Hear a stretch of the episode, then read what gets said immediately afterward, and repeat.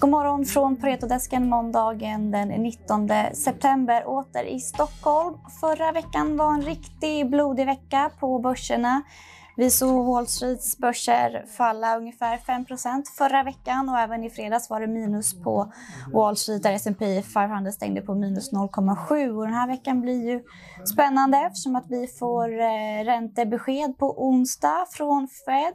Det är fortfarande, de flesta tror att de kommer höja räntan med 75 punkter men det finns även en del som argumenterar för att 100 punkter kan vara aktuellt så att det blir eh, en spännande kväll på onsdag. Hur eh, står sig Millicom i den här, eh, den här miljön, Stefan? Det är ett bolag som vi ska prata om nu. Ja, precis. Vi släpper en update på Millicom eh, idag. Eh, hittills har de stått sig inte särskilt bra, utan mm. de stängde på 18 års lägsta i fredags och aktien har varit bedrövligt svag. Eh, vi anser att det är felaktigt, om man får säga så. Eh, vi ser en ordentlig uppsida i, i bolaget och att de till viss del har det här i egna händer.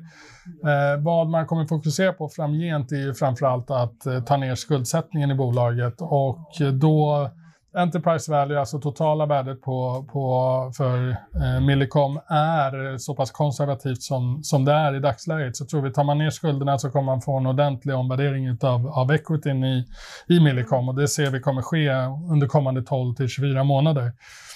I den här updaten som vi släpper idag så gör vi en liten eh, djupdykning i Guatemala-tillgången som står för närmare halva kassaflödet i Millicom. Det är en superfin eh, tillgång som är, ja, vi anser att den är värd ungefär 23 dollar per aktie, alltså dubbla aktiekursen i Millicom i dagsläget.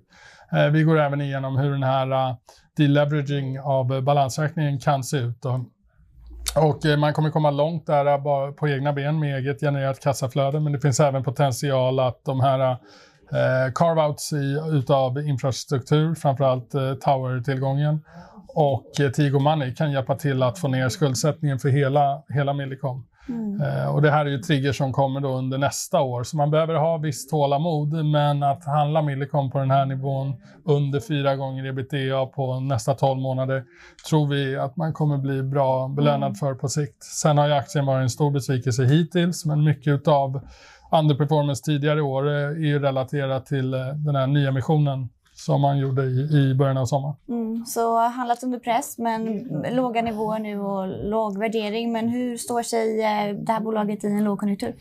Ja, men eh, telekomoperatörer är relativt ocykliska. Man ska ju ha då att företagskunder defaultar eller att eh, konsumenter eh, slutar använda kommunikation och eh, det gör man ju sällan. Det anses ju vara en basvara kan man mm. säga. Eh, och en stor andel av Millicoms kunder i dagsläget är ju fortfarande prepaid-kunder och det är någonting som är förhållandevis stabilt i en lågkonjunktur. Så vi tror att rent eh, konjunkturellt så, så kommer bolaget klara sig bra.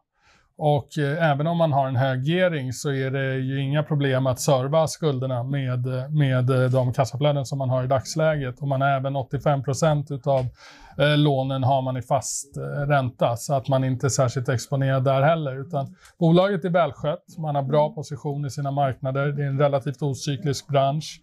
Eh, vi tror att man kommer komma ur den här jobbiga marknaden klart stärkt om man jämför med hur bolaget såg ut för några år sedan. Ja, bra entry levels nu alltså.